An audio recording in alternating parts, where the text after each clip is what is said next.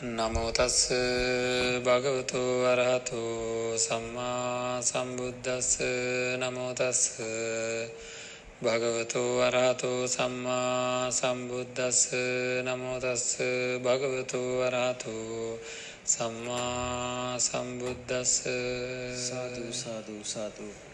කායේන සංවරෝ සාදු ආචාය සංවරෝ මනසා සංවරෝ සාදු සාදු සබ්බත්ත සංවරෝ සබ්බත්ත සංවතා බික්ඛු සබ්බ දුක්ඛා පමුච්ඡති. සාදු සාදු සාදු. සදා බුද්ධ සම්පන්න පින්වත්නි නිවන් මාර්ග ධර්ම දේශනා මාලාවේ සීලයෙන් ඇති කරගත යුතු පිරිසිදු බව පිළිබඳව විසුද්ධිය පිළිබඳව මූලිකව සාකච්ඡා කෙරෙන ධර්ම දේශනා කොටස් කීපයේ තවත් එක් කොටසක් තමයි අද දවසේ අපි සාකච්ඡා කරන්නේ. ඉන්ද්‍රිය සංවර සීලය පිළිබඳවයි. පින්නත්නි ඇසෙන් රූප බලා කනෙන් ශබ්දාසා නාසයෙන් දිවෙන් ශරීරයෙන් ගන්ධ රස ස්පර්ශයන් මනසින් ධර්මයන් කියලා කියන මේ ලෝකයේ අපිට අරමුණු වෙන දේවල් හින්දා තමයි ඒ අරමුණු වෙන දේවල් වරද්දගත්ත හින්දා තමයි අපිට නොයේකුත් දුක් ඇති වෙන්නේ.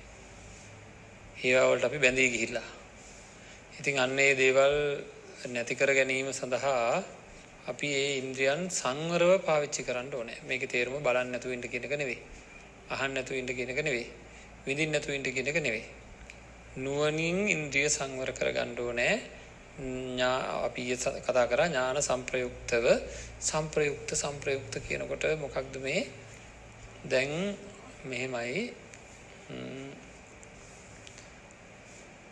වෛද්‍යවරයෙක් රෝගියෙක් දිහා බලනකොට සහ වෛද්‍යවරයෙක් නොවන අපි රෝගියෙක් දිහා බලනකොට ඇති වෙන අදහස් එකද? එකමද? නෑ. ඇයි නැත්තේ? වෛද්‍යවරයාට තියෙනවා රෝගියාගේ ලෙඩේ පිළිබඳ නුවණක්. අපිට රෝගියාගේ ලෙඩේ පිළිබඳ නුවණක් නෑ. එතකොට අපි බලන හැම දෙයක්ම එක එක්කෙනා එක එක්කෙනා එක එක්කෙනාට යමක් දිහා බලනකොට යමක් ඇහෙනකොට අරමුණු වෙනකොට කෙටියෙන් කියනවා නම් එකම හැඟීම නෙවෙයි උපදින්නේ. එක එක්කෙනාට එක එක්කෙනාට ඒ පිළිබඳ තියෙන දැනුම අතීත ආශ්‍ර ආශ්‍රය කරපු දේවල් අතීතයේ දැනගත්ත දේවල් හේතු වෙලා එකතු වෙලා නේද යමක් දකිනකොට එක එක්කෙනාට උපදින හැඟීම උපදින්නේ. පිළිගන්නවද ඒක? දැන් අපි කවටම දේශපාලඥයෙක්ගේ නමක් කියනවා. ඔකොටෝම ඇති වෙන්නේ සමහර අයට කැමැති අදහසක් ඇති වෙනවා සමහර අයට අකමැති අදහසක් ඇති වෙනවා සමහර අයට මධ්‍යස්ථ අදහසක් ඇති වෙනවා. ඇයි කාටද අකමැති අදහස් ඇති වෙන්නේ? ඒ තැනැත්තාගේ අගුණම ඊට කලින් ඇහිලා තියෙන අය දැකලා තියෙන අයට අකමැති අදහස් ඇති වෙනවා. නේද? කාටද කැමැති අදහස් ඇති වෙන්නේ? ඒ තැනැත්තාගේ ගුණම ඇහිලා තියෙන අයට දන්න අයට කැමැති අදහස් පහළ වෙනවා. සමහරවිට තැනත්තා පැත්තකින් තියලා පක්ෂය පිළිබඳ නේද? ඒ පක්ෂය ඉස්සර ඉඳන් අපේ සීයලාගේ ඉඳන් ආච්චිලාගේ ඉඳන් මුතුන් මිත්තන්ගේ ඉඳන් මේ පක්ෂය තමයි අපි කියලා ඒ වගේ ඒ පක්ෂයට කැමැත්තක් ඇති අයටත් අර පුද්ගලයා නුගුණ වුණත් ආ කැමැත්ත. ඒක එක එක කෙනාට එක එක කෙනාට මේ ලෝකයේ අරමුණු වෙනකොට එක එක හැඟීම් නේද ඇති වෙන්නේ. හරි. අන්න ඒ වගේ ඒක අපිට හොඳට තේරෙන්න ඕනේ. එක එක එක එක දේවල් වලින් සම්ප්‍රයුක්තයි. එකතු වෙලා නේද? ඒවා හේතු වෙලා මිශ්‍ර වෙලා තමයි අපිට සිතුවිලි ඇති වෙන්නේ. එහෙම නේද? හරි. දැන් ඉන්ද්‍රියන් වලින් අරමුණක් ගන්නකොට අපි මෙහෙම බලලා යම් රූපයක් දැකලා දැක්කහම අපි තුල ඇති වෙන්න ඕනේ ඒ රූපය ආය බලන්න ඕනේ ආය බලන්න ඕනේ අපේ මහ පුදුම දෙයක් මේක කියලා හැරි හැරි බලන්ඩ අපේ හිත ලෑස්ති නං ආං ඒ වෙලාවේ අපිට එන්ඩෝන අදහසක් භයානක දෙයක් සිද්ධ වෙන්ට යන්නේ කියලා. හරිද? එහෙම අදහසක් එම එනවත් දන්න භයානක දෙයක් සිද්ධ වෙන්ට යන්නේ කියලා. එහෙම එන අය නෑ කියලද කියන්නේ? එහෙම අදහස් එන අය මේ ලෝකෙ නැද්ද? නෑ ඇයි භික්ෂුන් වහන්සේලා වනගත වෙලා ඉන්නේ? ඔන්න ඔය භයානක හොරුන්ගෙන් බේරෙන්න. බුදුරජාණන් වහන්සේ දේශනා කරන රූප ශබ්ද ගන්ධ රස ස්පර්ශ ධම්ම කියලා කියන මේ බාහිර ආයතන මම් පහරන හොරු ආගේ කියලා. හරි. මම් පහරන හොරු වෙනවා කියලා කිව්වොත් අපි කොච්චර බයද? හ්ම්. මේ අතංගෙ මම මෙහෙම අහන්නම්. කඩු කිනිසි පොලු මුගුරු අරගෙන කට්ටියක් එනවලු දැන් මේ මැදිරියට ඇවිල්ලා මෙතන ඉන්න අයට ගහන්න කොටන්න. මෙතන කොහොම තියෙයිද? අරෙන් එනවා කියලා දැන් අපිට ආරංචි වුණොත් අපි මොනව කරයිද? හිස් ලූලු අතේ දුවනවා මොකටද? බේරෙන්න. ඇයි බේරෙන්නේ? වැදුනොත් මොනවද හැදෙන්නේ? වැදුනොත් කායික වේදනා කායික දුක් වේදනා ඇති වෙනවා. ඒකට බයයි අපි. නේද? කායික දුක් වේදනා වලට බයයි. ඒවා හරි දරන්න අමාරුයි. ඒකයි බය වෙන මොකක්වත් නෙවෙයි. ඇත්තට මේකනේ බය නේද? කායික දුක් වේදනා හැදෙන්නේ නැතුව පොළු පාරක් වැදුනහම නිකන් පොලා පැනලා වගේ නිකන් බැම්පිලා වගේ නේද රිදෙන්නේ නැතුව නම් වෙන්නේ. ඉතින් ඕන තරම් පොළු වරන් ආපු දෙයි. නේද? කඩු පාරක් වැදුනහම මුකුත් රිදෙන්නේ නැත්නම් අපිට මුකුත් නැත්නම් කැපෙන්නෙත් නැත්නම් යකඩකට යකඩ වැදුනා වගේ ටංගාලා ඒක විසි වෙලා යනවා නම් අපි කිසිම කඩුවකට බය නැහැ. නේද? එහෙනම් රිදෙන හින්දායි බය. හොඳයි. කායික වේදනාද අමාරු මානසික වේදනාද අමාරු. මානසික වේදනා අමාරුයි. කායික වේදනා හුඟක් වෙලාට එක සැරේයි මානසික වේදනා එක දිගට එක දිගට පන්න පන්න පන්න පන්න පන්න පන්න අපිට ඇති වෙනවා. දැනට මානසික වේදනා තියෙනවද දන්නේ නැහැ. දැනට මානසික වේදනා ඇත. නේද? මොනවා හින්දාද දන්නේ නැහැ. හොඳට බලන්න මේක දිහා. මොනවා හින්දාද අපිට මානසික වේදනා තියෙන්නේ? මම මෙහෙම කිව්වොත් අතීතයේ දැකපු දේවල්, අහපු දේවල්, විඳපු දේවල් දැක සතුටු වෙච්ච දේවල් නේද? දැකලා සතුටු වෙලා අනේ මටමයි ලැබුණේ අනේ කියලා සතුටු වෙලා ඇලීලා ග්‍රහණය වෙච්ච දේවල් කෙටියෙන් කියනවා නම් අතීතේ අතීතයේ දැක සතුටු වී නැවත නැවත බලපු නැවත නැවත සැප විඳපු දේවල් හින්දාමයි දුක් වේදනා තියෙන කිව්වොත් මොකද කියන්නේ? අද මොනවා හරි දුකක් පශ්චාත්තාපයක් තියෙනවා දරුවෙක් ඉඳලා කියලා හිතන්න. දරුවා පිළිසිඳ ගත්ත දවසේ ඉඳන් මොකද ඇඬුවද? අනේ මහ විනාශයක් වෙන්න යන්නේ කියලා. නැහැ නේද? හ්ම් දරුවා බිහි වුණාම ඇඬුවද? දුක් වුණාද? කලකිරුණාද? බලන්නකෝ කියලා කලකිරුණාද? නැහැ සතුටු වුණා නේද? සතුටු වුණා, ඇලුනා, ග්‍රහණය වුණා, සතුටු වුණා, ඇලුනා, ග්‍රහණය වුණා. ඇහැ කන නාසය දිව ශරීරය මනසෙන් යමක් දැක අසා විඳ නැවත නැවත සතුටු වී නැවත නැවත සතුටු වී මෙන් සිද්ධ වෙන්නේ ඒ වස්තුව කෙරෙහි ඇලීමයි. ආන්ගේ වස්තුූන් කෙරෙහි ඇලුනහම හැම වෙලේම ප්‍රහාර වදිනවා. ආය දකිින්ඩ කියලා නේද? නොදැක ඉන්ට බෑ කියලා හැම වෙලේම උදේම ප්‍රහාර චිත්ත පීඩ ඇතිවුණ දකිින්ඩෝ නෑ අහන්ඩෝ නෑ විඳින්ඩෝ නෑ දැම් මෙතරින්ම ගෙලා තියෙන මේ මේ සුඩින් කවදාකත් කාපු නැති පළතුරක් ලොකු ගෙඩියක් ගෙනත් තියෙන මෙතන මේ අත්තන්ට ඉතින් කිසි ගානක් නැහැ. අර මොකද්ද? දන්නෙත් නැහැ මොකුත් නැහැ. දැන් අපි ධර්ම දේශනා ඉවර කළා ඕක කණ්ඩ දෙනවා. ඒකල හෙටත් එනවා මේ ඇත්තම. හෙටත් තියෙනවා මෙතන ගෙඩිය. දැන් මොකද? අර හරි රස ගෙඩියක් කියන්නේ ආ දැන් අද කෑවනේ කට්ටිය එකතු වෙලා. හෙටත් එනවා ධර්ම ශ්‍රවණය කරන්න. ඇවිල්ලා බලනකොට අන්න ගෙඩියක් තියෙනවා. දැන් ආපු වෙලාව ඉඳන් මොකද? බණ ඉවර වෙන්නේ කොයි වෙලාවේද බණ ඉවර වෙන්නේ කොයි වෙලාවේද අරක අදක් දෙනවා තමයි කියලාන්න නේද? එහෙනම් අන්න තණ්හාව ඉපදිලා අපහසුකම් ඇති වෙලා.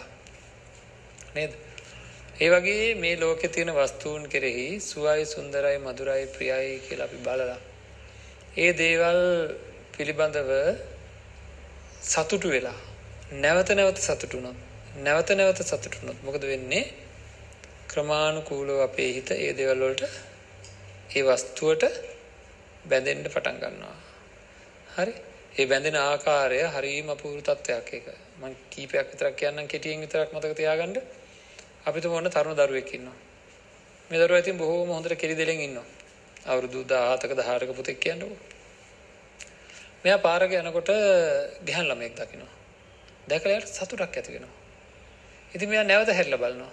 නැවත හැරිලා බලනවා. බලන බලන වාරයක් ගන්න එයාගේ හිත ඇතුලේ සතුටක් ඇති වෙනවා. දැන් ගෙදර එනවා. ගෙදර ඇවිල්ලා ඔන්න නේද? මෙනෙහි කරනවා අරය ගැන. ආය දවසක ගිහින් දකිනවා. ආය දකිනවා. ආය දකිනවා. අන්න එහෙම කාලයක් යනකොට ටික දවසකින්ම මොකද වෙන්නේ? එච්චර ලොකු කාලයක් යන්නේ නැහැ. සමහරට එක මොහොතයි වෙන්න පුළුවන් ඊළඟ තත්ත්වයටපත් වෙන්න. ඊළඟ පියවරට යන්න අර අර සතුටු උනේ රූපේ කෙරෙහි තියෙන තණ්හාව හින්දායි. ඒ සතුටු වීමත් එක්ක ඊළඟට එන පියවර තමයි පර්යේෂණය කියන එක. දැන් දැන් මෙයා යනවා පාරේ ආයසරයක් අර පැත්තෙන්. යනකොට ගෑනු ළමයි 100ක් විතර යනවා. හැබැයි මෙයාගේ වැඩේ මොකද්ද? පර්යේෂණය හොයනවා. නේද? හොයන්නේ කවද? ආන් අපේ හිත හොයන්න පෙළඹිලා. හරි. හොයන්න පෙළඹිලා. ඔන්න බලන්න හොයනකොට ලැබෙන හැටි. හරි. ඒකට කියනවා ලාභය කියලා. අර පාරේ ඇවිදගෙන ගිය ගැහන් ළමයි 100කින් අපි හිතමුකෝ 20ක් විතර මෙයාට hina වුණා. කිසිම ලාභයක් නැහැ කිසිම වැඩක් නැහැ ඒකේ. නමුත් අර පරිශ්‍රණය කරන එක්කෙනා hina වුණොත් මොකද වෙන්නේ? අන්න හිත බොහොම ප්‍රබල තත්යකට ප්‍රබල අපහසුවකට පත් වෙනවා. ඒ කියන්නේ ලොකු සන්තෝෂයක්. ඒකට කියනවා ලාභය කියලා. හරි. මේ වගේ ක්‍රමානුකූලව පින්නත් නේ ටික ටික ටික ටික මොකද වෙන්නේ අපේ හිත පසුව අපි පටිච්චසම්පාදය ගැන දේශනාවල් වලදී ඕවා ඔක්කොම මහා නිදාන සූත්‍රය ආකාරයෙන් දේශනා කරනවා මේ ධර්ම දේශනා මලයි. නමුත් මම පොඩ්ඩක් කිව්වේ ඔය විදිහට මේ තණ්හාව උපාදාන බවට පත් වෙනවා. හරි. ඊට පස්සේ මොකද වෙන්නේ අතට මේ ළමයාට? නොදැක ඉන්න බැරි තත්යකට පත් වෙනවා. එතකොට නැති ගිනි හැදිලාද නැද්ද දැන්? දරාගත නොහි ගිනි හැදිලා. අපිට මොකද ආදි ප්‍රශ්නයක් නෑ. ඉතින් හා ලැබෙනවා මේ මෙයා කියලා. ඇත්තටම මම මේ අතංගෙන් අහනවා. බැඳීමකින් අපිට ආදරයකින් කියන්නකො. මේ අතංගෙන් මං අහනවා ඍජුවම වැඩි වාර ගාණක් ලැබිලා තියෙන්නේ සැප වේදනාද? වැඩි වාර ගාණක් ලැබිලා තියෙන්නේ දුක් වේදනාද? නේද? බැඳීම් කියන ඒවායින් වැඩි වාර ගාණක් ඇති වෙන්නේ දුක් අවසාන ප්‍රතිඵලය මරණයේදී හෝ වෙන් වෙන්නම සිද්ධ වෙනවද නැද්ද?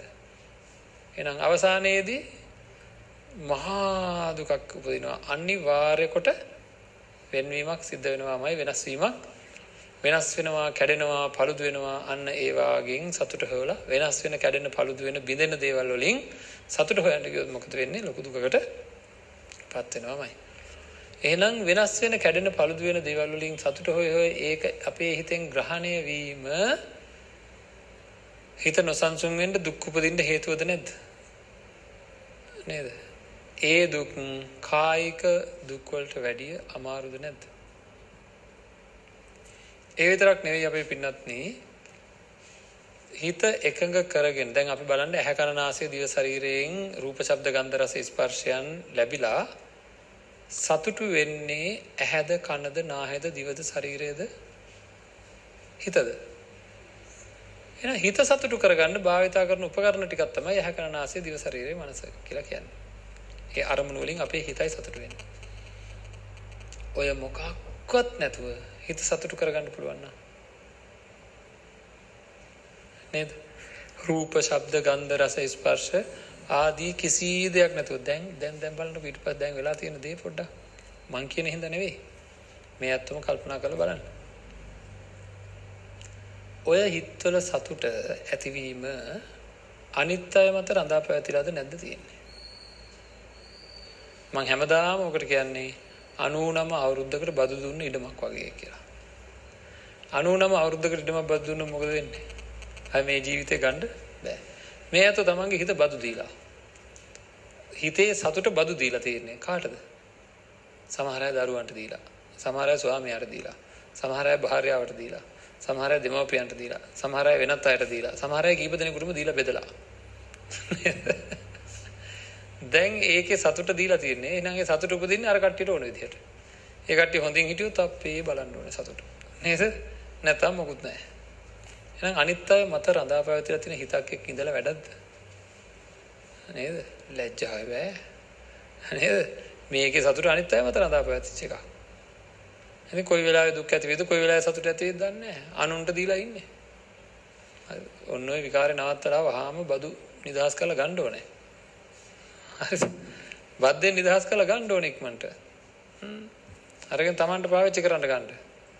අන්න එහෙම කිසිදු අරමුණකට යා නොදී හිතක් ඒකාග්‍රව පවත්වා ගැනීමෙන් පුළුවන් වුණොත් කුසල අරමුණක තියාගන්න. කිසිම අකුසලයකට යන්න නොදී කුසල අරමුණක හිත නවත්ත ගන්න ලැබුණොත් අන්නේ අවස්ථාව අපි ඉදිරියේදී සාකච්ඡා කරනවා තව. මහා ප්‍රීතියක් මහා සුවයක් ඇති වෙන අවස්ථාවක්. ඉතින් ඒ එන්නේ ඒකාග්‍රතාවයට ඉඩ දෙන්නේ නැත්තේ මේ මේ කියන නොයේකුත් පංචකාම සම්පත්තීන් විශේෂෙහි අසංවරව වාසය කරනකොට මේ හිතට අර කායික දුක් වේදනා ඇති වෙනවට වැඩිය විශාල පීඩිත තත්යකට අපිපත් වෙනවා. එහෙනම් මං කියවනේ ඉතලා කඩු පොළු මුගුරු අරගෙන කට්ටිය එනවා මෙහෙම අපිව තලන්න කොටන්න කියලා. ආන් එතකොට ඇති වෙන බයට වැඩිය බයක්. අම්මෝ මම මේ රූපේ දිහා හැරිලා ආය සන්තෝෂයෙන් ওই රූපේ දිහා බැලුවොත් ඉදිරියේ මට මහා දුක් ගොඩ ඇති වෙනවා. රූපයක් දකින්නකොටම වෛද්‍යවරයාට ලෙඩෙක් දකින්නකොට අපි කියවනේ නේද සංඥාවක් එනවා කියලා අපිට එන්නේ නැති සංඥාවක් එනවා කියලා. අන්න ඒ වගේ රූපයක්, සද්දයක්, ගන්ධයක්, රසයක්, ස්පර්ශයක් නැවත නැවත අභිනන්දනය කරන්න අපේ හිත ඉල්ලනකොට. ඒ කියන්නේ ඒ ඒකෙන් සතුටු වෙන්න අපේ හිත ඉල්ලනකොට අදහසක් අපේ හිතේ එන්න ඕනේ. මේක තවත් දුක් ගොඩක ආරම්භයක්. තවත් අල්ලා ගැනීමක්. දැන් අල්ලාගත්ත හරිය හොඳටම ඇති විඳින දුක් හොඳටම ඇති තවත් අලුතෙන් මේකට දාගන්න කල්පනාව. පින්නත්නි නුවණින් කල්පනා කරලා බැලුවොත් තේරෙනවා ඉඟුරු දීලා මිරිස් අරන් ගිහින් නැද්ද?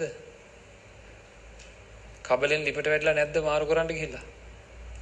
නේද? හැමදාම මාරු කරනවා අපි මොනවද? මෙයාත් එක්ක වයසට යනකොට එහෙමනේ අපේ අම්මලා තාත්තලා මම දැකලා තියෙනවා හරියට. ලොකු පුතා ළඟ ඔන්න සතියයි. නැත්තම් සති දෙකයි තුනයි ඉන්නකොට මොකද වෙන්නේ? අපෝ බෑ ඊළඟ ගෙදරට යන්න ඕනේ. නේද ආය නෙවෙයි නිකන් නෙවෙයි යන්නේ පැත්තම විනාශ කරලා යන්නේ මේ හොඳට සිල් ගන්නවා භාවනා කරනවා මේ නින්දාවෙන් ගැලවෙන්න මමත් මේ නින්දා කරන්නේ කට්ටියට මේකෙන් ගැලවෙන්න තමන්ගේ උපේක්ෂාවේ හිත හදා ගන්න ඕනේ නේද? පැත්තටම නින්දා කරලා යන්නේ. අද අර වැරද්ද කරා මේ වැරද්ද කරා මෙහෙම වුණා කියලා ගිහිල්ලා දෙස් දෙවල් තියෙන ඇත්තිපදා ඉතින් අනේ අර හොඳට සලකපු ළමයින්ට ආරංචි වෙනවා. නේද? ඊළඟට දැන් දෙවෙනි ගෙදර දැන් ගිහින් පදිංචි වෙලා. ඊළඟට මොකද වෙන්නේ? ටික දවසයි ආය පයින්නවා ඊළඟ එකට. හරිද? ඔය රවුමේ ගිහිල්ලා මොකද කරන්නේ ඊට පස්සේ? හිමින් සැරේ ආය හිටපු තැනටම යන්න කොහොම හරි හදා ගන්නවා වැඩි රවුම. නේද? බෑ කිව්ව තැනට ආය යනවා. ගිහිල්ලා එතෙන්ට ගිහිල්ලා මොකද කරන්නේ?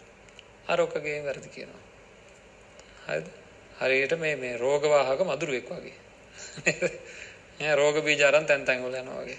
ඉතින් ඒ මොකද මේ හිත අඳුරගත්තේ නැති හින්දා. හරි හැම වෙලේම මාරු කරන්න බලන්නේ අපි. ඉන්න තැන් මාරු කරන්න බලනවා. ඔක්කොම මාරු කරන්න බලන. ඉතින් මේ හිතේ තියෙන ස්වභාවය ඒකයි තවත් තැනකින් සැනසීම හොයන්න අපි මේ ලෝකේ තවත් දේවල් ප්‍රාර්ථනා කරගෙන යනවා. හරි ගියක් දන්නේ එහෙම කරලා. හරි ගියේ එක්කෙනෙක් ඉන්නවද දන්නේ නෑ. සැනසීමටපත් වෙන්නේ නැත්තම් කාගේ වැරද්දද ඒක? තමන්ගේ වැරද්ද. නේද? මගේ වැරද්ද. මොකක්ද වැරද්ද? ඕනෑම තත්වයක් යටතේ සැනසීමෙන් තියාගන්න පුළුවන් හිතක් හදාගත්තේ නැති එක. ඕනෑම කෙනෙක්ගේ වැරද්දක් ආදී හැමේ සැනසීමෙන් ඉන්න පුළුවන් හිතක් හදාගන්න ධර්මය අවබෝධ වෙන්න ඕනේ. ධර්මය අවබෝධ කරගන්න නම් ඔන්න අලුතෙන් දේවල් එකතු වෙන එක නවත්ත ගන්න ඕනේ.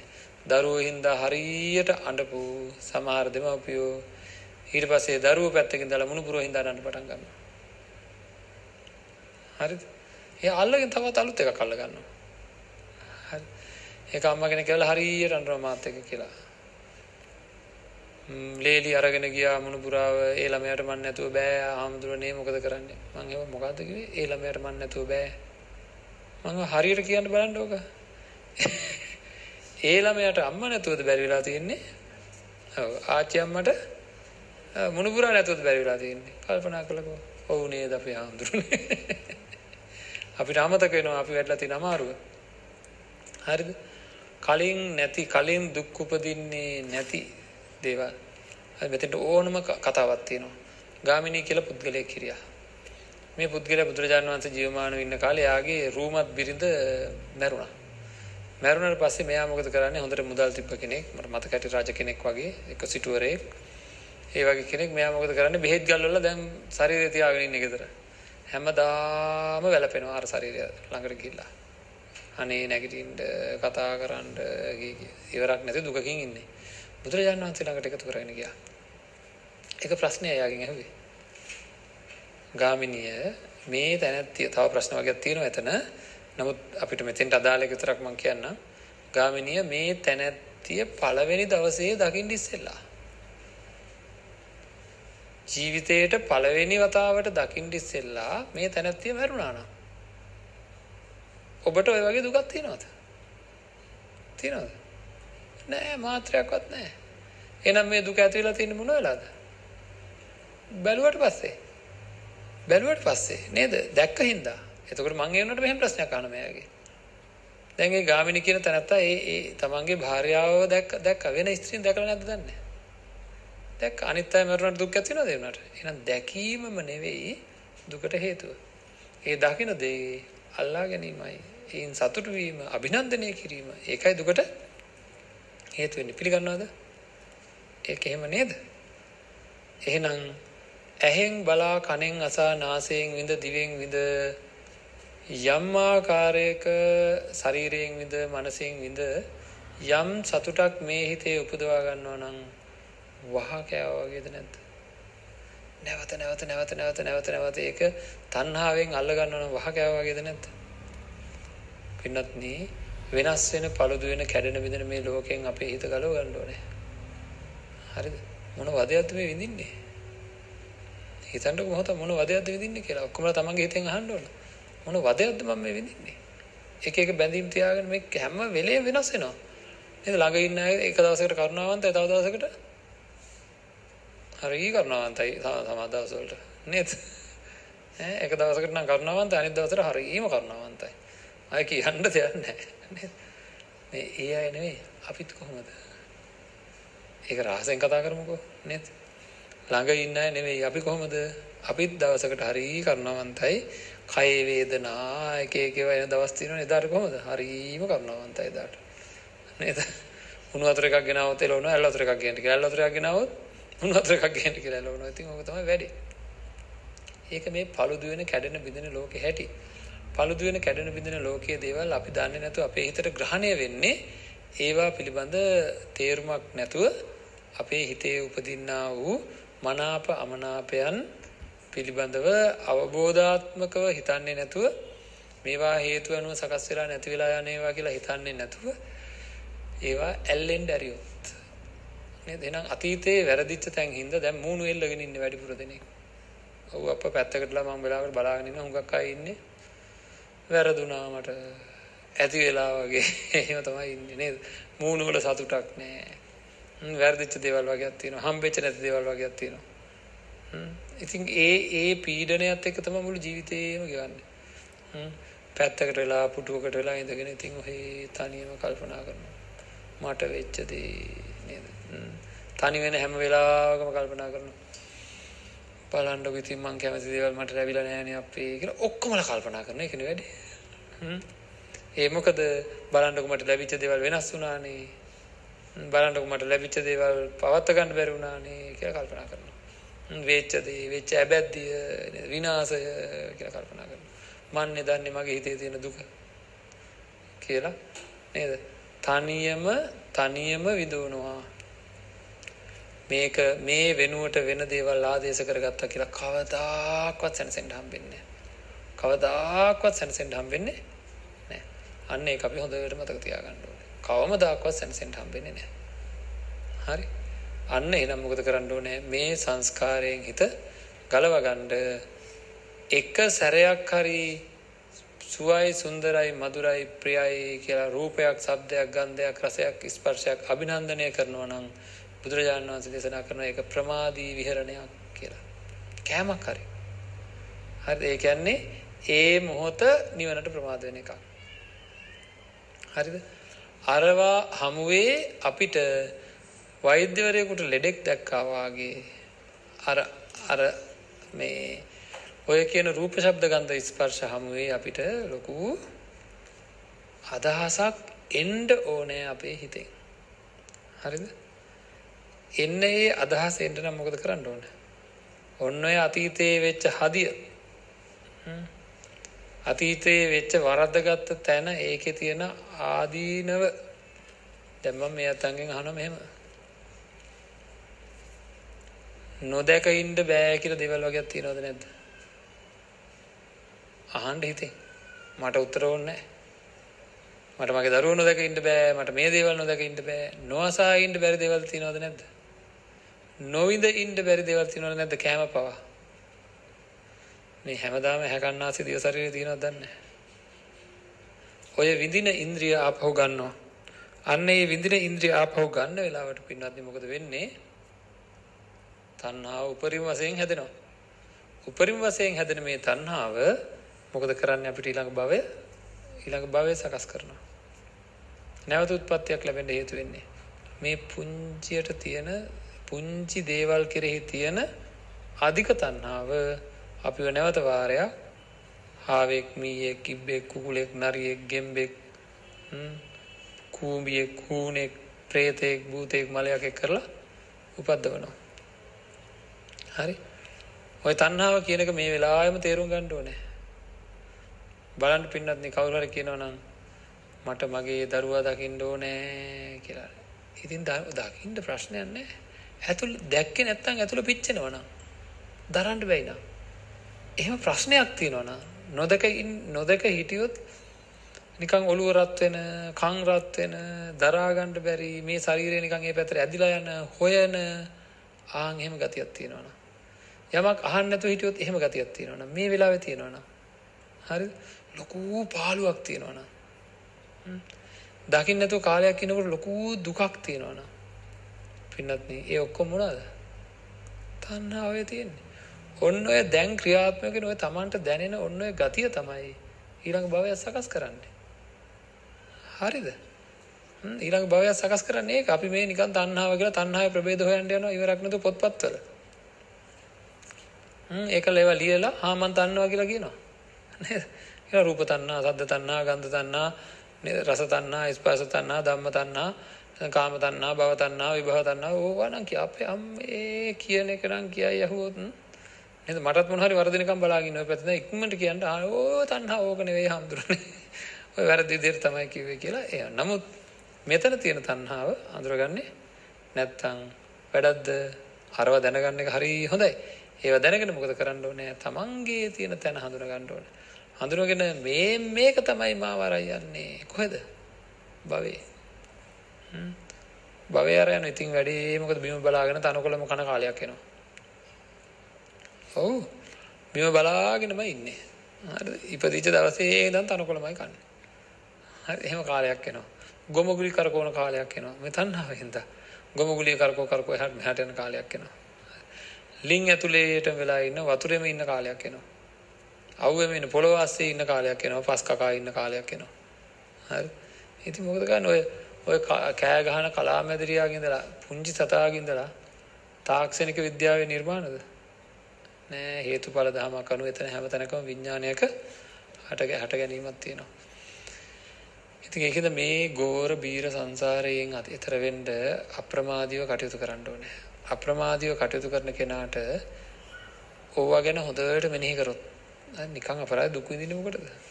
නේද? අහක තියෙන දේවල් ස්ථිරව තියාගන්න පුළුවන් කියලා සතුටු වෙලා නිකන් මේක මේකේ නිකන් හැදිලා ක්‍රමයක්. නේද? මේක නිකන් ඔකට කියන්නේ නේද මේ මේක එක්තරා විදිහකට මේක සකස් වෙලා. මේ රූප හින්දා කියලා සතුට උපදිනවා. මේ ශබ්ද හින්දා කියලා සතුට උපදිනවා. ඒ ඒ දේවල් කෙරෙහි මේ හිතේ සතුට ඇති වෙන විදිහට වෙන වෙනම කොටස් වර්ගයක් වෙන් වෙලා. ඒව නැත්තම් මාරාන්තික දුක් ඇති වෙන ස්වභාවයක් තියෙනවා. අන්න ඒ தත්ත්වයට මාවපත් උනේ ඇහැ අසංවරව භාවිතා කරපු හින්දායි. කන අසංවරව භාවිතා කරපු හින්දායි. නාසය දිව ශරීරය අසංවරව භාවිතා කළ හින්දායි. අන්න එහෙනම් දැනුත් රූප ශබ්ද ගන්ධ රස ස්පර්ශ එනකොට ඒවා මෙහෙම කරලා බලනකොට දැක්ක තමයි හැබැයි නැවත දැකීමක් ඇති නැවත තණ්හාවෙන් දෘෂ්ටියෙන් මාන්නෙන් ඒක මගේ කියලා මට තියාගන්න පුළුවන් කියලා බැලෙන්නේ නැති විදිහට අපි මේක අපේ හිත සකස් කරගන්න ඕනේ. ආන් එහෙම කරපුවාම සීල විසුද්ධියෙන් Tamanට ලැබෙන උපරිම තත්යකට යන්න පුළුවන්. හිත පිරිසිදු කරගන්න ඕනේ. කෙලෙස් වලින් අපිරිසිදු වෙන්න. අපි මේ කතා කරන්නේ නිවන් දැකීම ගැන. දැන් කෙනෙක් කියයි, "ආම්දුරනේ, කොහොම ඉතින් කොහොමද මේ සාමාන්‍ය ජීවිතය ගත කරන්නේ?" මේ බෑ කියලාද කියන්නේ? ඔයනි අරමුණකින් මොකක්ද ජීවිතය සියලු වැඩ කරන කරන්න ම එකක් අත පාකිවෙන රස්සාවල් කරන්න ඔක්කොම කරන්න හැබැයි මෙහි පුච්ච ගන්නතුව නේද? ආං එකට මේ කෝලාරිකයි මේක මේක සංකතයි මේක පටිච්ච සම්පන්නයි කියන හැඟීමෙන් ඇතිවෙන හැම්ම මනාපයක්ම අමනාපයක්ම ඉන්ද්‍රියන් නිසාවෙන් ඇතිවෙන සෑම මනාපයක් අමනාපයක්ම තමන්ගේ හිතෙන් දුරුවෙලා යන විදිහට අපි අපේ හිත හදාගන්න ඕනේ. හරිද? අපි අපේ හිත හදාගන්න ඕනේ. හැම මනාපයක් අමනාපයක්ම දුරවෙලා යන විදිහට අපි අපේ චිත්ත સંතානය සකස් කරගන්න ඕනේ. ආන් එහෙම සකස් කරගත්තාම ඒ කියන්නේ ඇත්තට මොකක්ද මේ කියන්නේ කියලා මම කෙටියෙන් කියන්නම්. මං කියන්නේ ඉන්ද්‍රිය සංවර කරගන්න කියලා නෙවෙයි. ඒ ඒ මොකක්ද ඒ පාර කියන්නේ නේද? ඉන්ද්‍රිය සංවර කරන්න කියලා නෙවෙයි. එහෙම කිව්වොත් මේ කට්ටිය මොකක්ද දන්නවද දෙන උත්තරේ? උත්සාහ කරන්න. හරි දැන් උනත් කියන්නේ මං ඇහුවොත් එහෙනම් කරනවද? උත්සාහ කරලා බලන්න. නෑ නෑ ඒක නෙවෙයි. දැන් ඉන්ද්‍රිය සංවර කරන්න කියලා මං කියන්නේ. ඊට එහා ගිය දෙයක් කියන්න යන්නේ. ඉන්ද්‍රිය සංවර කෙරෙන විදිහට තමන්ගේ මනස හදාගන්න. ඉන්ද්‍රිය සංවර කෙරෙන විදිහට තමන්ගේ මනස හදාගන්න. ඒකට මොකද කරන්න ඕන? ඉන්ද්‍රිය අසංවර වීමෙන් ඇතිවෙන ආදීනවත් ඉන්ද්‍රිය සංවර වීමෙන් ලැබෙන ආනිසංසත් හොඳට මෙනෙහි කරන්න ඕනේ. අසංවර වීමෙන් ලැබෙන ආදීනව මොනවද? සතර අපා දුක්. ඒවා මෙනෙහි කරන්න ඕන. නිකම් බෑ මෙනෙහි කරන්න ඕන. කොච්චර මේ ලෝකේ ලෝකේ කොච්චර හිර වෙච්ච කෙනෙක්ද හරකෙක් කියන්නේ? හරකෙක් කියලා ඉපදුනා කියන්නේ මැරෙනකන් කාත් එක්කවත් වචනයක් කතා කරලා හිතේ තියෙන දේවල් කියන්න පුළුවන්ද? හිර වෙලාද නැද්ද? නේද? මැරෙනකන් කාටවත් කියන්න බෑ. මගේ හිතේ තියෙන මේවයි කියලා. ඒ සිත්වල අදහස් පහළ වෙන්නේ නැද්ද? ඒ සිත්වල අදහස් පහළ වෙනවා. නේද? හිර වෙලා ඉන්නේ. හරිද? ඊළඟ බලන්න චූටි කාලේ ඉඳන්ම සමහරවල්ලාට මොකද කරන්නේ? කවුරු හරි අල්ලලා කාමයක් දාලා බැඳ ගන්නවා. අයියෝ කනුව වටේ ඉන්න වෙන්නේ මැරෙනකම් හුඟක් අයට. කනුවක් වටේ ඉන්න වෙලා තියෙන්නේ. නේද? එහෙනම් අන්න ඒවා මෙනෙහි වෙන්න ඕන අපිට. ඒවා මෙනෙහි වෙනකොට කායේන සංවරෝ සාදු සාදු ආචාය සංවරෝ මතක් වෙන්න ඕනේ. මම මගේ ඉන්ද්‍රියන් සංවර කරගන්න ඕනේ මේ තණ්හාව දුරු කරගන්න නම්. ඉන්ද්‍රිය අසංවර වුණොත් එහෙම මට මේ වගේ මහා දුක් විපාක ඇති වෙනවා. මේ ජීවිතෙත් තැවෙන්න වෙනවා සසර ජීවිතෙත් තැවෙන්න වෙනවා. මේ දැන් දැන් කෙනෙක් කියයි මේ දැන් අපි අනේ අපි දැන් සමහර අය කියන අපි පව් කරන්නේ නැතුව ජීවත් වෙනවද? නේද? බුදුරජාණන් වහන්සේ දේශනා කරපු දෙයට පිටින් කියනවා අපි පව් කරන්නේ නැහැ කියලා. පව් කිරින්නේ නැතුව ඉන්න එක විතරක් හරි කියනවා. හරියයිද? දරුව කෙරෙහි තියෙන ආදරය හින්දා දරුව දිහා හැරි හැරි බලන හැම වාරයක්ම කුසලයක්ද අකුසලයක්ද? ඔව් අකුසල් පිරෙනවා අකුසල් පුරව ගන්නවා. එහෙනම් දැන් ආයෙ හිතේ ඕක හරියන්නේ නැහැ නේ කියලා. නෑ නෑ හැරි හැරි බලන්න දෙපා කිව්වේ මං. නෑ දරුව දිහා හැරි හැරි බලන්න නෙවෙයි එපා කිව්වේ. අවබෝධ කරගන්න මේක කැඩෙන බිඳෙන පළුදු වෙන නැති වෙන විනාශ වෙන දෙයක් මේක අල්ලලා හරියන්නේ නැහැ කියලා හැම නිමේෂයකම නොඇලීමේ කලකිරීමේ අතහැරීමේ හැඟීමකින් පෝෂණය වෙමින් තමන්ගේ ගිහි ජීවිතය අරගෙන යන්න ඕනේ. නොඇලීමේ හැඟීමකින් පෝෂණය වෙන්න ඕනේ. එහෙම නැත්තම් මොකද වෙන්නේ? අපි ලොකු අපහසුතාවයන් වලට ලොකු අපහසුතාවයන් වලට පත් වෙනවා ඉදිරියේදී තියෙන ඉඳ අර ඉන්ද්‍රිය අසංවර වෙන හැම වෙලාවෙම මේ අදාළ හැඟීම අපේ ළඟ තියෙනවද කියලා දැන් අහන්න හිතේ. නේද? දැනට මම හිතන්නේ එක සැරයක් හරි තිබ්බත් දන්නේ අතීතයේදී. නෑ කියන්න බෑ. බාන්න මතක් කරලා කෑමක් කන්න ගත්තාම ගිජු ලිස කන්න හිතෙනකොට මේක මට අපාය යන්න හේතු වෙන්න පුළුවන්. ඇඳුමක් අඳින්න ගත්තාම ගිජු ලෙස අඳින්න ගන්නකොට මේක මට අපාය යන්න හේතු වෙන්න පුළුවන්. කියලා යම් ආකාරයක අදහසක් Tamanට ඇති වෙලා තියෙනවද මීට පෙර ආතුව?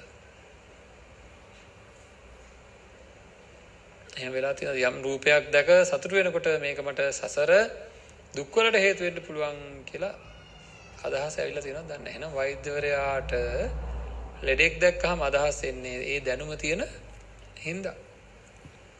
අපිට ඉන්ද්‍රියන් හැම මේ අරමුණු ගන්නකොට ඒ අදහස එන්න නම් ඒ දැනුම තියෙන්න ඕනේ. ආන් ඒ දැනුම තමන් තුලින් නැగిලා එනකොට කියනවා ඥාන සංප්‍රයුක්තයි කියලා. හරිද? එහෙනම් මම ඥාන සංප්‍රයුක්ත නැතුවා. මම් පහරන හොරු වගේ කියලා බුදුරජාණන් වහන්සේ හිතන්න කියලා තියෙන මේක මහා ධර්ම. ඇයි? මම් පහරන හොරු මොකද කරන්නේ? මේ බලන්න කොච්චර සාධාරණද මේ බුදුරජාණන් වහන්සේ දේශනා කරපු දේ කොච්චර සාධාරණද කියලා බලන්න. මම් පහරන හොරු ආවොත් මොකද කරන්නේ අපිට? අපි ළඟ තියෙන වටිනම දේ අරගෙන නිකන් දෙන්නේ. කොහොමද යන්නේ? ගාලා පොඩි කරලා යන්නේ නේද? හොඳට දෙකක් දීලා යන්නේ. නිකන් නෙවෙයි. තලා පෙලා දාලා යනවා. අන්තිමට මට මොකද වෙන්නේ? දැන් මම පහරන හොරුන්ට අහුනොත් මට මොකද වෙන්නේ?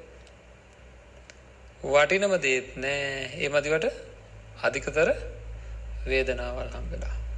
සසර ජීවිතයේ බෞද්ධයෙක් විදිහට මට ලැබිය හැකි සක්විති රජකමටත් වඩා වටිනම දෙයක් තියෙනවා මොකද්ද? කුසල සිත. කුසල සිතක් තමන් තුළ ඇති කරගන්න පුළුවන් නම් ඒක නේද තමන්ට සැනසීම උපදවන දෙයක්. එතකොට තමයි අර කිව්වා වගේ සෝවාන් ඵලයට යන්න පුළුවන්කම තියෙන්නේ. ඉතින් අලෝභ අද්වේෂ අමෝහ මිශ්‍රිත කුසල සිතකින් අපි වාසය කරන්න උත්සාහ කරනකොට යම් කිසි අතීත රූපයක් සද්දයක් ගන්ධයක් රසයක් ස්පර්ශයක් හෝ වර්තමාන දෙයක් හෝ ඔය මොහොතට ඇවිල්ලා අපේ හිතෙන් නැත්නම් ඇහැට කනට නාසයට දිවට ශරීරයට ඇවිල්ලා අපිව පීඩණයට ලක් වෙන මට්ටමට පත් වුණොත් අර කුසල සිතට මොකද වෙන්නේ? දැන් අපි යම් කිසි රූපයකට බැඳෙනවා කියන්නකො. බැඳිච්ච ගමන් දැන් හොඳට භාවනා කරගෙන ඉන්න මං කියන්නකො භාවනා කරගෙන ඉන්නකොට හදිස්සියෙම සිද්ධ වෙන එක පොඩි ප්‍රමාදයක් හින්දා යම් කිසි රූපයකට බැඳෙනවා ටික දවසක් කියලා හිතන්න. දැන් මගේ කුසල සිතට මොකද උනේ? ආ නැති වුණා. එහෙනම් වටිනම දේ නැති වෙලා. සක්විති රජකමට වඩා වටින දේ පැහැරගත්තා. කවුද මේක පැහැරගත්තේ? රූපයා විසින්.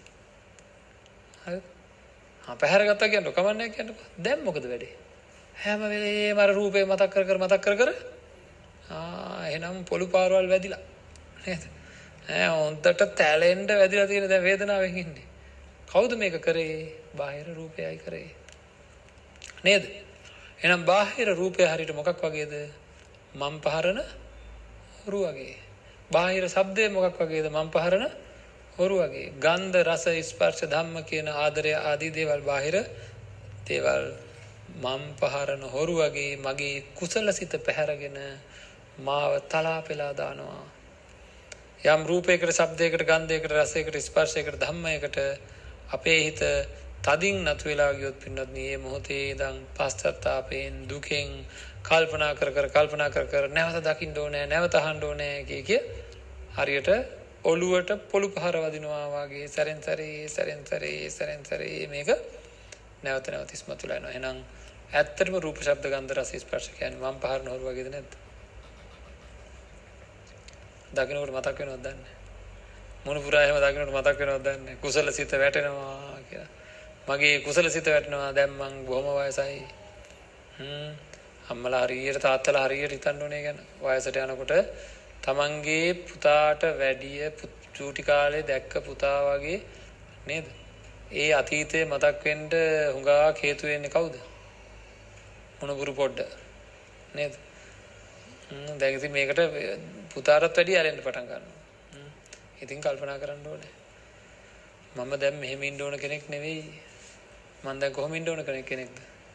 බුද්ධ අවවාදයට නතු වෙලා ඉන්න ඕන කෙනෙක් කොහොමද?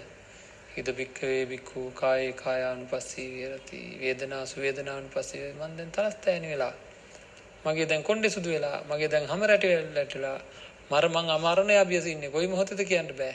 අඩුම ගානේ ඒ වයසට යනකොටවත් මං කියන්නේ නේද? මාසකට එක සැරයක් සිල් ගන්න යනවා. අය අහවල් තැන භාවනා කරන ඒක හොඳයි. හැබැයි ඔක්කොම කරන ගමන් පිරික්සන්න ඕනේ මොකද්ද? මං කොච්චර ගැලවිලාද කියලා. ඒකෙන් තමයි තමන්ගේ වර්ධනය බලා ගන්න ඕනේ. හ්ම්. ඉතින් ඒකින්ද බොහෝම වැඩක් නැති දේවල් වලට වැඩි අවධානයක් යොමු කරන සමහර අය රජයෙන් විශ්‍රාමිකයි කියලා තීරණය කරන්න විශ්‍රාම සුවයෙන් ඉන්න ඕනේ හින්දා එයාට ඉතින් ටික කරගන්න ඕනේ හින්දා මෙයා මොකද කරන්නේ විශ්‍රාම ගිය ගමන් අපේ අම්මා ඒ ගෙදර තියෙන ෆයිල් කොට මොනවද? ලේකම් භාණ්ඩාගාරික තව එක්ක සභාපති අතන මෙතන දුදු ඉවරක් නැති වැඩ ගොඩක් හරි දාගන්නවා. හොඳයි පින් සිද්ධ වෙනවා තමයි.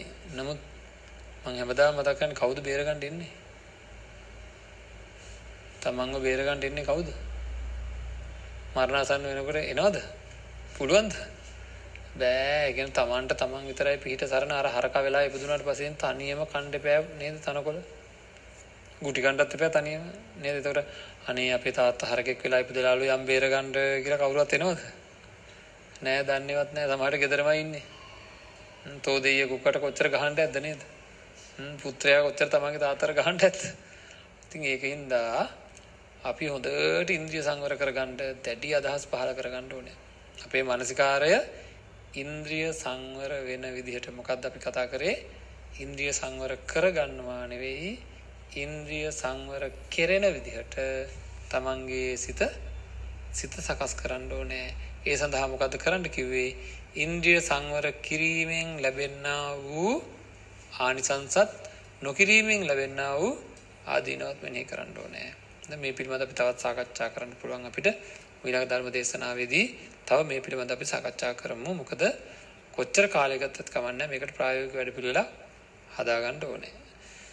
හොඳයි. අද දවසේ මේ ධර්ම දේශනාව ලෝකයේ පුරා ඉන්න බෞද්ධයන්ට මේ ධර්මය ඇහිලා ඒ අයත් සූපත් භාවයට පත් වේවා. අපි විතරක් බණ අහලා හරියන්නේ නැහැ කියලා බොහොම කරුණාවන්ත හැඟීමකින් හැම කෙනා කෙරෙහිම යහපත සිද්ධ වීමේ ප්‍රාර්ථනාවෙන් දායකත්වය ලබා ගත ඇත්තන් ධර්ම දානමය පුණ්‍ය කර්මයක් සිද්ධ කරගත්තා. ඉතින් ඒ අය නිසාවෙන් සිද්ධ කරච්ච මේ ධර්ම දේශනාව හේතුවෙන් ඒ ධර්මය ඇහෙන ඇහෙන මානයක කොතන හරි කෙනෙක් තමන්ගේ සිත සංවර කරගන්න ඕනේ කියලා උත්සාහයක් ගත්තොත් ඒ ගන්න වාරයක් වාරයක් වාරයක් ගානේ මේ අතන්ට බොහෝ පින් රැස් වෙනවා. ඒකින්ද බොහෝ පින්ලාභී පින්නත් ඇත්තන්ට අපි ප්‍රාර්ථනා කරනවා අධිෂ්ඨාන කරනවා නිදුක් නිරෝගී චිර ජීවනය ලැබේවා. අවසානයේදී උතුම් නිවනින් සැනසෙන්න මේ අතන්ට මේ ධර්ම දානමය පුණ්‍ය කර්මය හේතුවක්ම වේවා කියලා ප්‍රාර්ථනා කරනවා.